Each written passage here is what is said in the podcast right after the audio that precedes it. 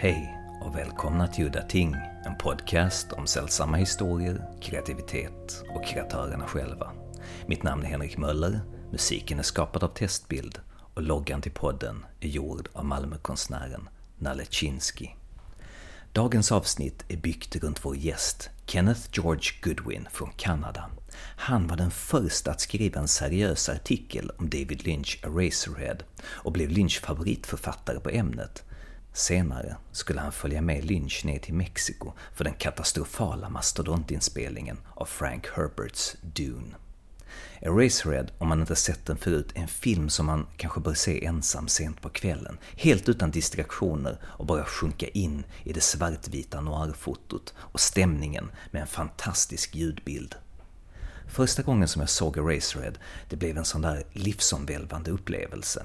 Besattheten av världen och mysteriet som Lynch hade skapat, men också att han jobbade på filmen i fem år där han byggde kulisserna och skapade alla specialeffekterna själv.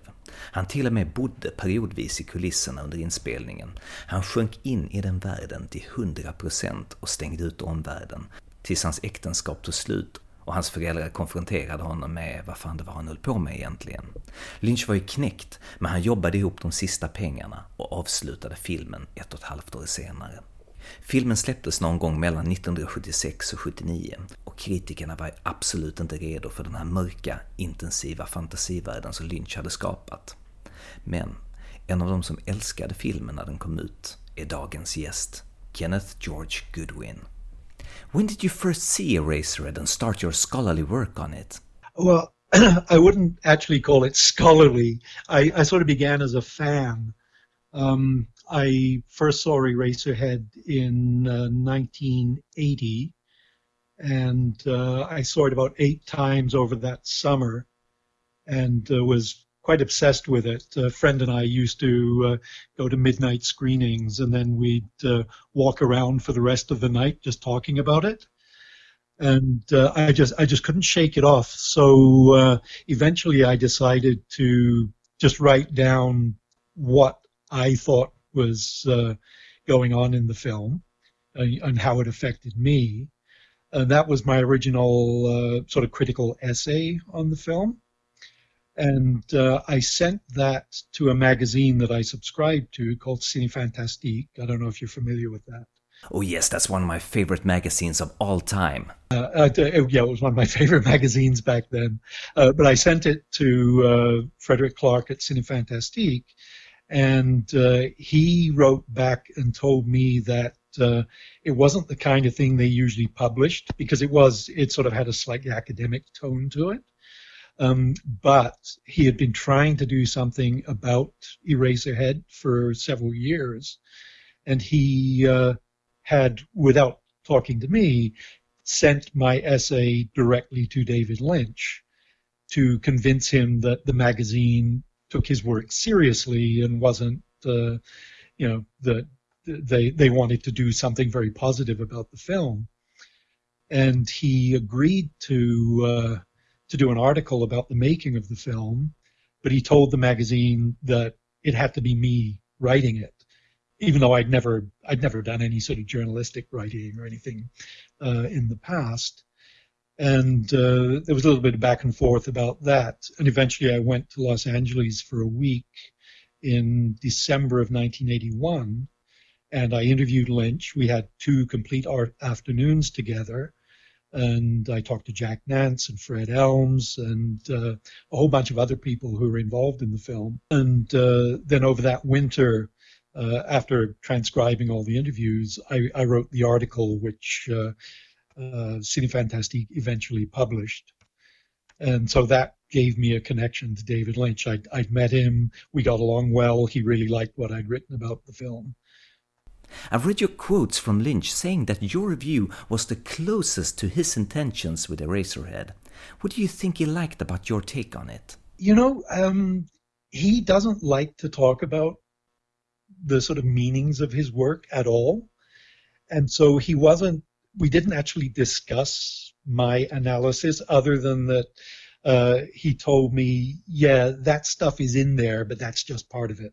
So it our conversation was much more sort of anecdotal about the actual years long process of making the film and and uh, the difficulties that were involved and uh, overcoming certain technical things you know when they ran out of money and uh, he thought he wasn't going to be able to finish it and then you know he managed to scrape together some money after a year and you know sort of got back to doing it it was it was more of a, a narrative about making the film than it was about what's in the film or what was behind what he was putting in the film. You know, I, I, I did prod a few times uh, at certain things, but uh, you know, as soon as he showed some resistance, because I didn't want to alienate him, of course, um, I would back off and move on to something else. Because you know, once once I I brought up a particular thing.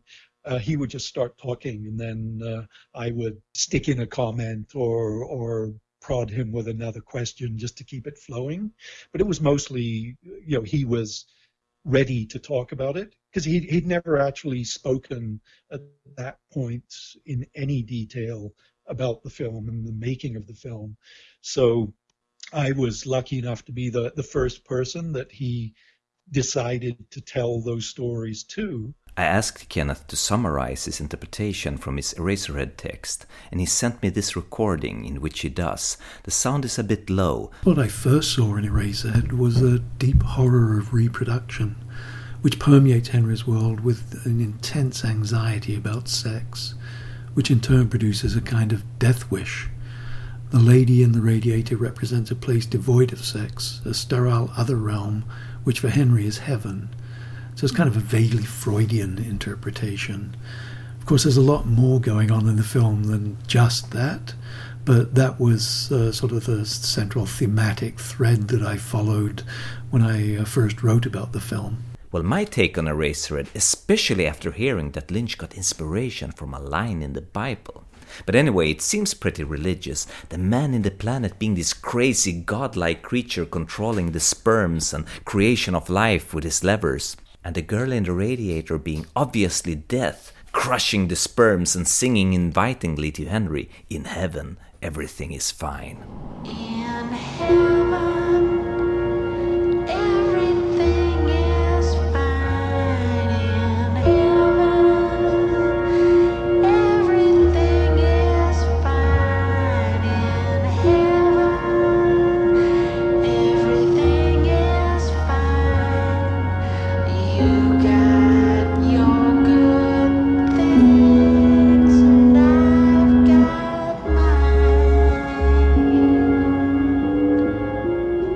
Does say that it's his most spiritual film, but he's never said what line in the Bible set it off. You know, he's kept that to himself. But interestingly, through my interpretation, the lady in the radiator is also a symbol of death. So, so I arrived at that from a wholly different uh, angle from what uh, from what you just said. So, you know, I, I think that there are probably a lot of ways you can get into the film or, or approach it, but uh, whatever way you get into it, I think certain elements of the film will will represent similar things, despite your differing perspective. But had the Elephant Man come out at this point? Yeah, Elephant Man had come out uh, before I I actually talked to Lynch. You know, the people within the filmmaking community, uh, there were people who had responded very positively to the film because they recognized, just on sheer level of craft, the you know he was very talented, and that included Mel Brooks and Jonathan Sanger and uh, Stuart Cornfeld, who produced uh, Elephant Man, because he sort of brought the um, the aesthetic sensibility of Eraserhead into a more mainstream movie. I mean, you know, that could have been story could have been done, you know, in a sort of Hollywood way, but he brought that uh, you know his his use of sound and and his weird uh, sort of design sensibility to Elephant Man. So it sort of briefly crossed over into a commercial realm. But uh, interesting, I just finished reading Lynch's uh, autobiography, and uh, it's interesting to note that a lot of people who worked on Elephant Man asked to have their names taken off it because they thought it was such a terrible film. Because you know a, a, lot of the English crew were you know sort of mainstream craftspeople, and what he was doing didn't seem good to them because it was uh, it was this weird idiosyncratic approach. So the all the nominations that he got for Elephant Man, I think, came as a bit of a surprise. But what surprised me was the amount of directors in Hollywood that were impressed by Eraserhead, this strange artsy film. I mean, I liked it, but I've read that even Stanley Kubrick was a fan, and he spent some time trying to figure out how the baby was constructed. Yes, I heard that too. Yeah, yeah. I mean, everybody still everybody still wonders how how he did that because uh, it's it's a very disturbing. Uh, creation, and it's it is quite hard to to to figure out what the mechanics of it might have been. It looks very much like a lamp fetus, and Lynch is known for using organic material in his work. Yeah, that was that was one of the uh, the speculations at the time that it was a it was an actual. Uh, I, I, assume people thought that he had taken the fetus and sort of fitted an armature in it to make it uh, move, but uh, yeah, it's still it's still a, a very well kept secret. But did you feel you were onto something when Lynch asked you to move, remove specific observations that you had about the film?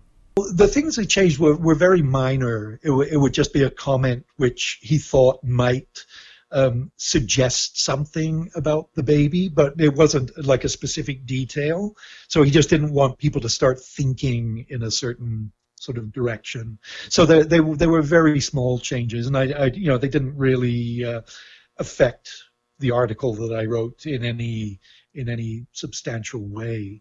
Speaking of analysis, there's a fairly new book on Eraserhead by a John Fairhurst called The Key to Eraserhead. It's a scholarly essay in the form of a comic book. Well, you know, I, I've actually I have read that. In fact, he got in touch with me when he was uh, publishing it, and uh, we we communicated a little bit back and forth.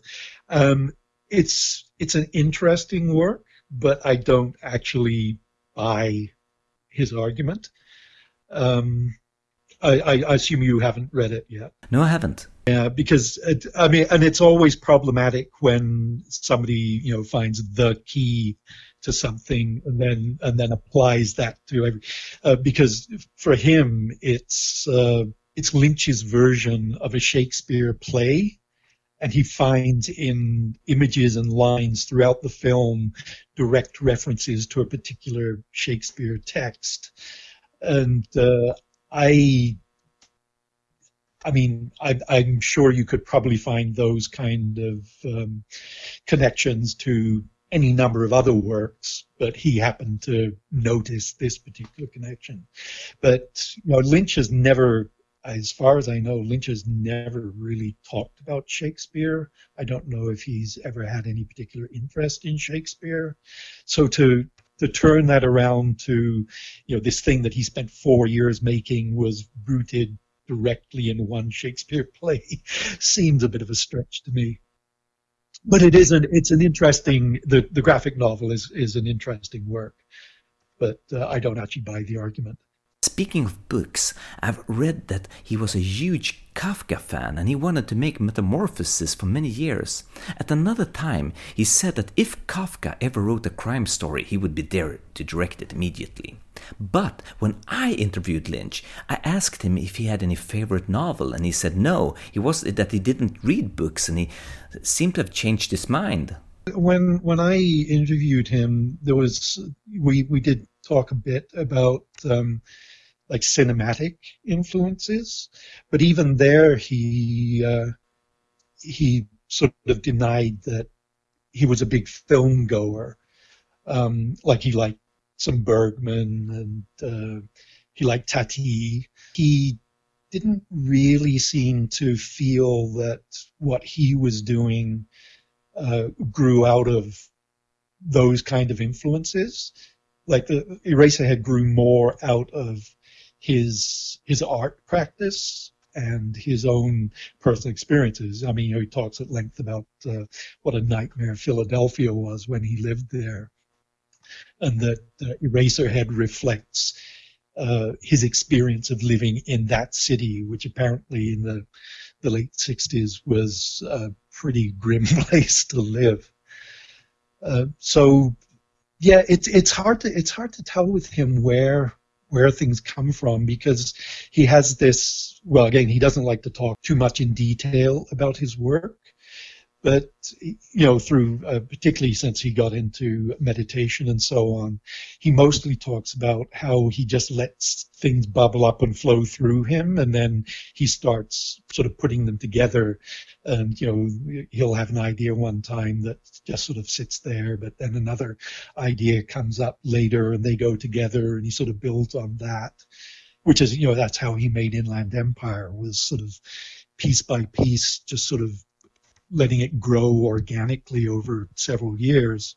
And uh, I mean, he he sort of freely says he he's not entirely sure what the meaning of everything he does is, because that doesn't concern him.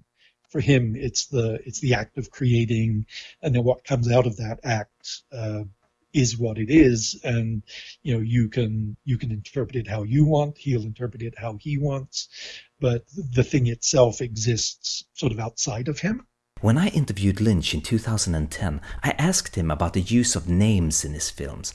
Do you have uh, different personalities connected to different names? I know you like Sally and Bob and Henry. Mm-hmm. a name is very important. I don't know 100% how it works, but if you did change your name, uh, I think you change your life in some ways, maybe profound ways. There's a lot in a name. People are given a name, and they those names um, define a way of being. I believe. I don't know which comes first, the way of being, and then they get the name, or the name and then the way of being. But a name is very important. And I would say Sally will do certain things that Rebecca would not do, and vice versa. And we started to talk about the name Henry, which is the name of the protagonist in Eraserhead. Henry is an interesting name. Uh, Henry is a thinker. Henry is not a macho name like Buck. Uh, even Billy is more macho than Henry. Henry is more of an intellectual, a thinker. Henry is wondering about things. Henry is very observant. Henry understands fear and uh, caution, but is, is a, a a good soul, a, a, good soul, but always on the lookout for the mysteries, the answers to the mysteries. So, from this Eraserhead article, how did you come to start documenting Lynch's Dune, the most expensive film production of its time? Was totally uh, uh, fortuitous. Um, you know, I had I had written the article. I sent a copy to Lynch before I sent it to the magazine because I had I had promised him that I wouldn't put in anything which he didn't want, which I know is not good journalism, but you know, I wasn't a journalist and uh, I wanted to honor like him and his, you know, his uh, feelings. Uh, he liked the article, and uh, it was actually my sister at the time who said, "Well, why don't you just ask him for a job?" which, which I thought was utterly ridiculous. But uh, I thought about it for a few days, and then I sent him a letter, and I said, uh, you know, we've met, we got along. You like the, you you know, you like the work that I've done. Um, is there any chance that there'd be something I could do on Dune? And um, he didn't. He didn't sort of laugh that off. In fact, over uh, the rest of that year, um, I think there were two times when something looked like it might uh, work out, but they both fell through, and I can't remember now what those jobs were. But then um, uh, one of the uh, people in the publicity department at Universal Studios had decided to uh, to try something new, and instead of you know, just sort of sending a, a video crew once or twice during the production to grab a little on-set action and a, a couple of interview clips. he decided it would be a good idea to have a documentary crew on the entire production for six months uh, to, to shoot everything that's going on behind the scenes, on the scene, on the set, uh, do interviews with cast and crew and so on. And Lynch, who of course was, was embarking on something which was a monumental project that was utterly beyond anything he'd done before, uh, was you know he was kind of nervous, and he told them that um, you know if you're going to stick a video crew on my set, you have to give me people that I trust. And uh, they said, okay, that's fine with us. And he said, well, there's a cameraman in San Francisco, the, which is Anatole Patsanowski, who uh, he had known from the American Film Institute, and this writer from Canada. And Universal said, okay. So I had no qualifications. I had no experience. And I didn't, I didn't even have to have an interview. They just sent me a ticket and flew me to Los Angeles. And, uh, you know, we put together the equipment package, went down to Mexico, and we were there for six months shooting uh, stuff around Churubusco Studios, uh, Mexico City, and uh, up around Juarez, where you know we shot in the desert for a week. So it was, you know, it was, it was almost like a fantasy experience. I, uh, I, you know, um, unfortunately for me, I, I didn't manage to uh, turn that into a uh, like a, a, sort of a major career launch pad.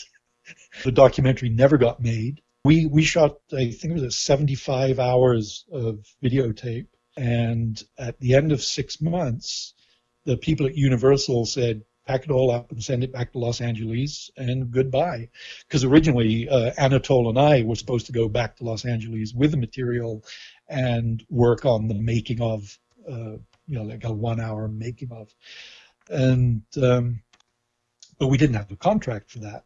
And at the end of six months, they basically just told us to get lost and took the material away. And uh, you know that material has disappeared. But there was a documentary made from on-set footage. I've seen it. Yeah, that was made by Paul Salmon, and it was made specifically to show at uh, like Comic Con and you know fan conventions and so on to sort of pump up some interest in the film. It was our material, yeah. He uh, took a bunch of our tapes. Uh, had an editing uh, an editing room elsewhere in uh, Churubusco Studios, so he took a bunch of our tapes and worked with an editor there to put that together. But that is really the only thing that exists out of that 75 hours of material and uh, yeah, I mean, I I I have fantasized over the years. Uh, I couldn't even tell you how many times of being able to make a sort of Hearts of Darkness documentary about the making of Dune, uh, using that material and you know sort of uh, modern uh, interviews with people involved and so on. Kenneth has, apart from his book on a Eraserhead, which I highly recommend, he's written a book about his time on the set of Dune. Yeah, and I mean, the, you know, my book on Dune is not is not really about the making of Dune. It was I kept a diary while I was down there, so it's more it's more about me than it is about the film. Which, uh, but it does contain the uh, uh, a number of interviews that uh, I did salvage from our documentary project. At what point in the production of Dune did you come and meet and interview him? He was he had just finished working with uh, Christopher and Eric Bergren, the, the guys who wrote Elephant Man, and they had just delivered a two-part script to Universal and uh, De Laurentiis, which would have been, you know, like two two-hour movies. Which nowadays, of course, you know, everybody's doing that, but back then that was unheard of. No, you can't make this one story in two parts. So um, he was about to embark on doing another um, uh, draft of the script, but by himself. Like uh, Christopher and Eric Bergren had left the project, and so he was going to take those two parts and sort of crush them down into one script, which was eventually the shooting script. And so he was, at that time, very, very deeply involved in um, conceiving of the film's various worlds and uh, and all those you know all those elements uh, as you as you mentioned the you know the whole religious thing that's running through it and um, but we didn't talk in detail about the meanings of that. I mean, you know, there was something there was some about the the sort of ecological aspects and about the um, uh, the relationship between um, religion and the uh, you know the the warlike forces that were coming into play in the book. Uh, the Fremen have something like an Islamic presence. you know, it's very hard. It's, it grows out of the desert, and and I mean they even use the word jihad in in the book and the film. It's a holy war that they're waging against these uh, interloping cultures who are coming to their planet to uh, to harvest the spice. So we talked a little bit about that, but not a lot. I think he was at that point really, really um, deeply involved in logistical questions about how to make the story uh, manageable in the amount of time he was going to have. Lynch always said he didn't care for science fiction, but it seems like the perfect project for Lynch with all of its esoteric, religious, and metaphysical ideas. What do you think attracted Lynch to the project? What interested him was uh, was the building these four different worlds, each with its own visual, uh, you know, aesthetic, um, its its own cultural elements, and I think you can tell from just watching the movie that the one that appealed to him most was the Harkonnens, where he where he just reveled in the you know his his whole biological thing, sort of body horror and and all and all those sort of elements, and and you could see on set just how much he enjoyed working with you know the scene where the the Baron is ranting while the doctor pokes his boils and things like you know Lynch loved that kind of stuff. Of course, there's the famous thing where uh, um, Lynch was with uh, De Laurentiis in Italy and they visited Venice, and that gave him the inspiration for a lot of the uh, the sort of architectural design in the film. You know, which is why you get the you know the the Great Hall on Arrakis with all its um, murals and mosaics and thing that that is sort of directly drawn from uh, you know what he saw in Venice. The original concept artist for Jodorowsky's version of Dune, the, the Harkonnens for the Harkonnen planet, and also for Ridley Scott's version of the Harkonnen, Ridley Scott was also attached to the project after Jodorowsky's Dune. He abandoned this project when his brother Frank died and he had to do a quicker project, which ironically turned out to be Blade Runner. Well, anyway, the concept artist for the Harkonnen planet was H.R. Giger, the creator of Alien. And Lynch never used him. Giger said he always wanted to work for Lynch, but he never knew why Lynch avoided him. I I can see where there, there there's the potential for, for real friction with two artists that uh, idiosyncratic and, and, and intense, but also with a, a, a, certain similarity. Although I mean they're they're quite different, but there's that you know the whole biomechanical thing in Giger and and Lynch's uh, sort of distorted bodies and so on. So I could see where he might uh, shy away from having somebody like Giger come in to uh, to work on his version of the film.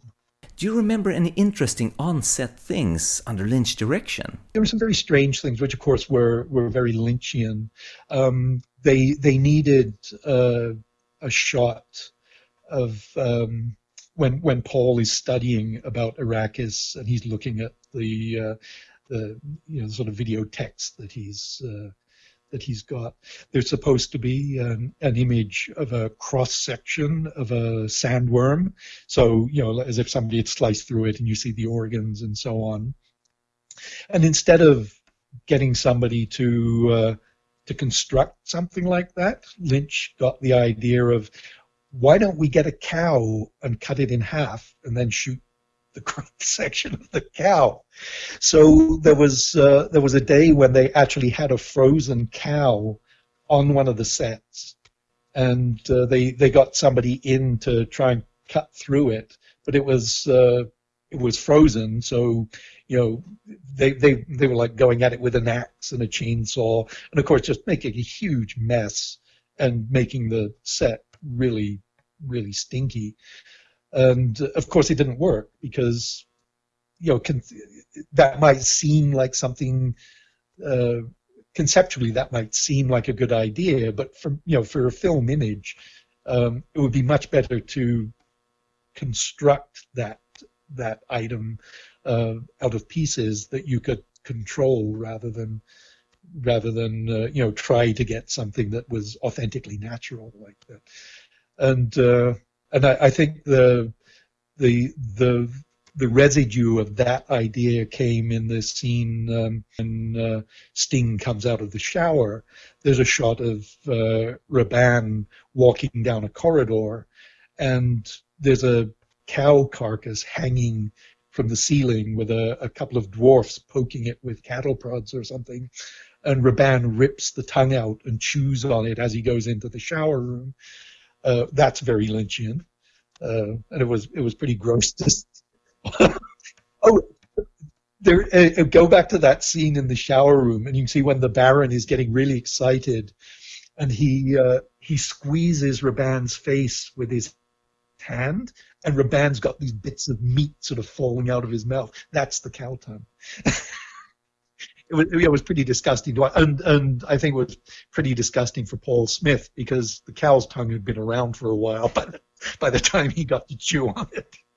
Did you observe any of the classic hands-on effects usually done by Lynch in all of his films? No, there wasn't there wasn't a huge amount of time for him to be that personal with the details.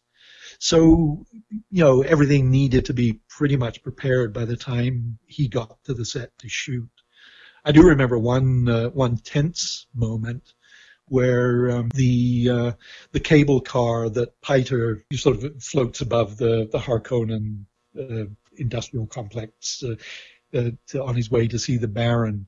Um, the night before that was to be shot, um, Lynch and uh, the assistant director and a couple of other people went to inspect the cable car set um, just to check it over because they were shooting the next morning. And it had been like nobody had been really looking at what had been done.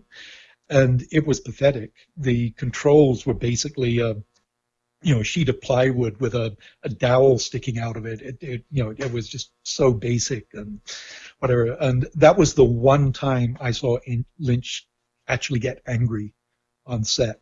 He kind of blew up about that. That it, it was just un, you know, it was unfilmable. It was, and the next morning when the the scene was ready to be shot, uh, all the controls had been built and it, and it, and it looked like something. so somebody had worked overnight to to fix that. But that was the one time I saw him get angry. I'm also curious to know if you saw some of the collaboration between Lynch and special effects legend Carlo Rambaldi, who also worked on Alien and E.T. Rambaldi was on set um, when they were shooting in the backlot for uh, uh, when Paul has to, uh, you know, jump on the sandworm, and that was all. You know, there was a full full scale mock up of a couple of worm segments on a rail and uh, so so Rambaldi was there uh, fixing that because when when Paul pulls the uh, the flesh of the worm open, uh, there's all this sort of uh, stringy tendons and stuff inside. You know, the idea is that then sand gets in there and irritates it, and the worm rolls, and and uh, you know Paul sort of rides up as it rolls in the sand. And you know, there were a lot of condoms used in that, which of course is classic uh, special effects technique. So all these all these ligaments and uh, things were uh, were made out of condoms and then slathered with uh, KY jelly or something to make it glisten and uh, slimy. But that's actually the only time I really remember Rambaldi being on set. But I remember seeing a behind the scenes clip of Rambaldi and Lynch together working on the Guild Navigator and Lynch sketching or pointing out changes to Rambaldi. That, I think, would have been uh, during pre production because as far as I remember, you know, my memory is again, this was a long time ago. As far as I remember, the uh, the scene with the navigator was actually shot fairly early in the production, so the navigator would have been built, you know, quite a quite a while before that. Let me put it this way. If you saw the production as an arc, when did you notice things started to go wrong? Don't, I don't know that that it was obvious that things were going. As I said, very early, I, I, I, had this sense that because of the way Lynch was pacing it, there were going to be issues in terms of length and so on. And then uh, later on, we heard about these guys coming down to cut pages out of the script. But once once the process was going, everything was getting shot. Lynch was was really focused and. Uh, uh, really engaged in what was going on. So I don't know whether internally in him there came a point where he thought this is not going to work out for me or whatever. But right to the end, um, you know, everybody was was putting their you know like total effort into what they were doing. But I mean, then again, you know, there were there were things where sequences were being shot, and then later they they'd have to be reshot because the script had been re had been revised. The whole thing with Paul um, drinking the water of life and having his vision was actually shot twice in two completely different ways. And the first one was part of the whole that whole midsection of the you know life in the the Fremen culture, which I mentioned, that eventually got cut out.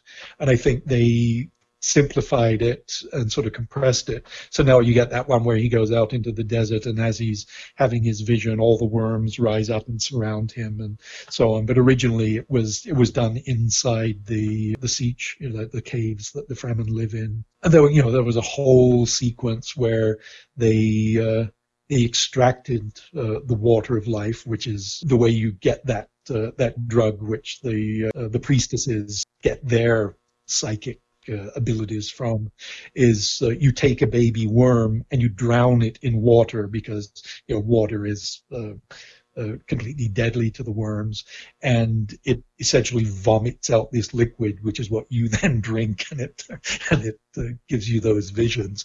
All of that was shot, and it, you know it's just beautifully designed and uh, you know very very atmospheric, and but you know it all got cut out because because a, a lot of that what the Fremen culture was like and what it, its roots, its religious beliefs, and its ceremonies and so on. Just took too much time when you tried to get it down to a two-hour film, and so all of that was just you know very quickly compressed into that scene where Paul just drink. You don't know what the water of life is when he drinks it. He's just given this bottle of something, and he drinks it, and then he has his vision and the worms, and and it, it all it all takes place in a couple of minutes instead of you know this much more elaborate sequence where you know there's so much more detail and texture and.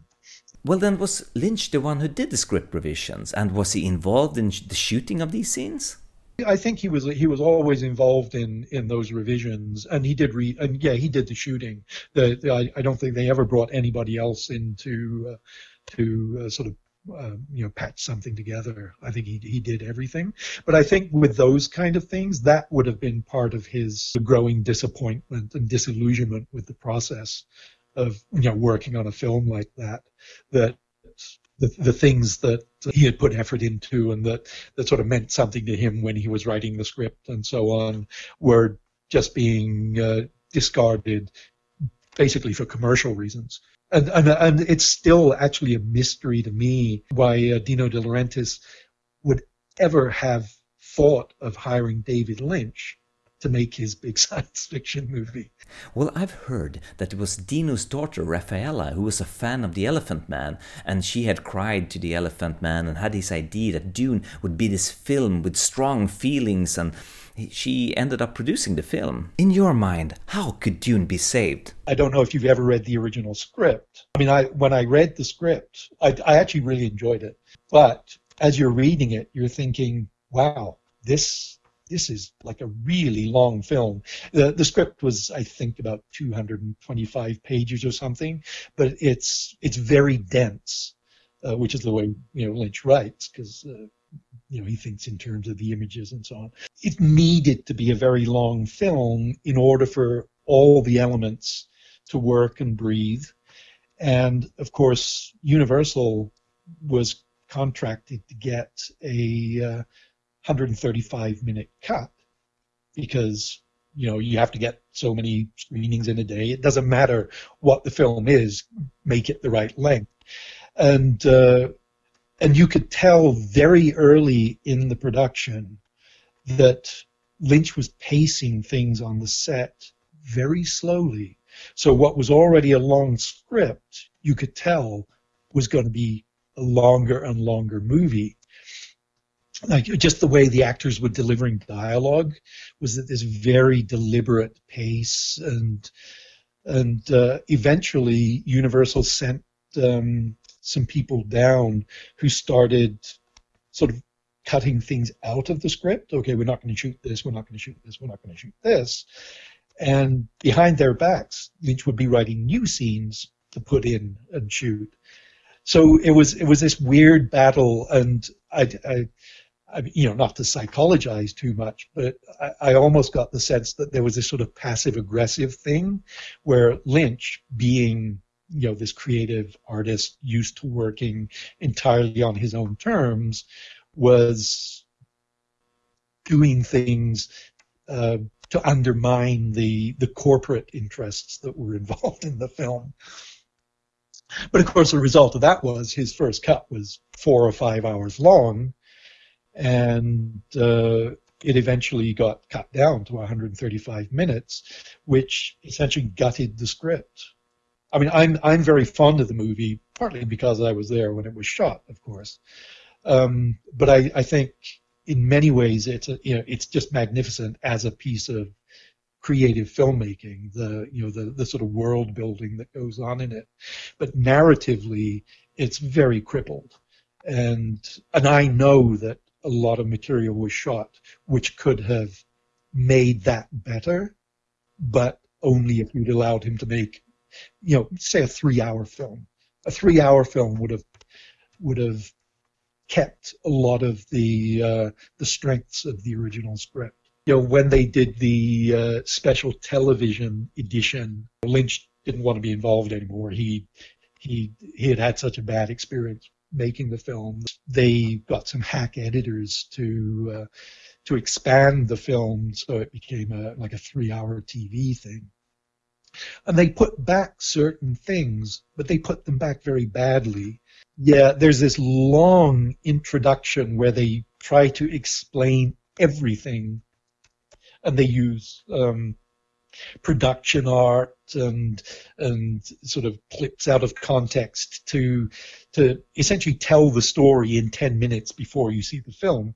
I don't get it. Is is that a collage of storyboards put in the film to make sense of the backstory? Well, yeah, storyboards and some of uh, like Ron Miller's paintings and I guess Tony Masters' sketches, and yeah, it was, it was just a complete mishmash of stuff. But um, I mean, for for me, the the worst thing that happened when it was cut down was almost the entire midsection was removed, which was Paul learning about the Fremen and their life, how they survive in the desert, their culture, and so on, so it becomes rather than this huge story about ecology and the formation of religions in response to uh, you know the harshness of the environment, etc., etc. It's about you know a couple of warring noble families. It's you know it's the Atreides against the Harkonnens. It's made much more conventional because of that. The bit that bugged me the most in the long TV version was they restored uh, the fight when Paul first, Paul and Jessica first meet the Fremen, and Paul is challenged by one of the Fremen, and they have a knife fight. And so the people who were making the longer version put back in the fight, but they took out the point, which is after Paul kills the the character. Um, he weeps because he's never killed anybody before, and it's like this huge emotional thing for him. And all the Fremen see him like giving, as they put it, giving water to the dead, which is like unheard of. You don't waste your water by crying over dead, and that is what makes them start to see him as something different and something special, which eventually leads to him becoming their leader. Do you have any last thing you want to add? Any favorite memory from your time on the Dune set? I think my, my best moment was uh, in Mexico when Jack Nance came down to uh, to join the cast. And, you know, he had the little little sort of supporting role as one of the Baron's minions, and I, I gave him a like a photocopy of my uh, my original uh, typescript, and he phoned me up in the evening, and uh, he was almost in tears. Uh, he said, you know, we put in all those years of work and it was so hard it was such an effort and we were doing all these crazy things and we always said to each other nobody's ever going to know and then along comes this guy from Canada and now people will know and that to me was validation of what I had done that uh, Jack Nance was moved by my article. Ja, det var allt för den här gången. Mitt namn är Henrik Möller. Musiken är gjord av Testbild. Hej då!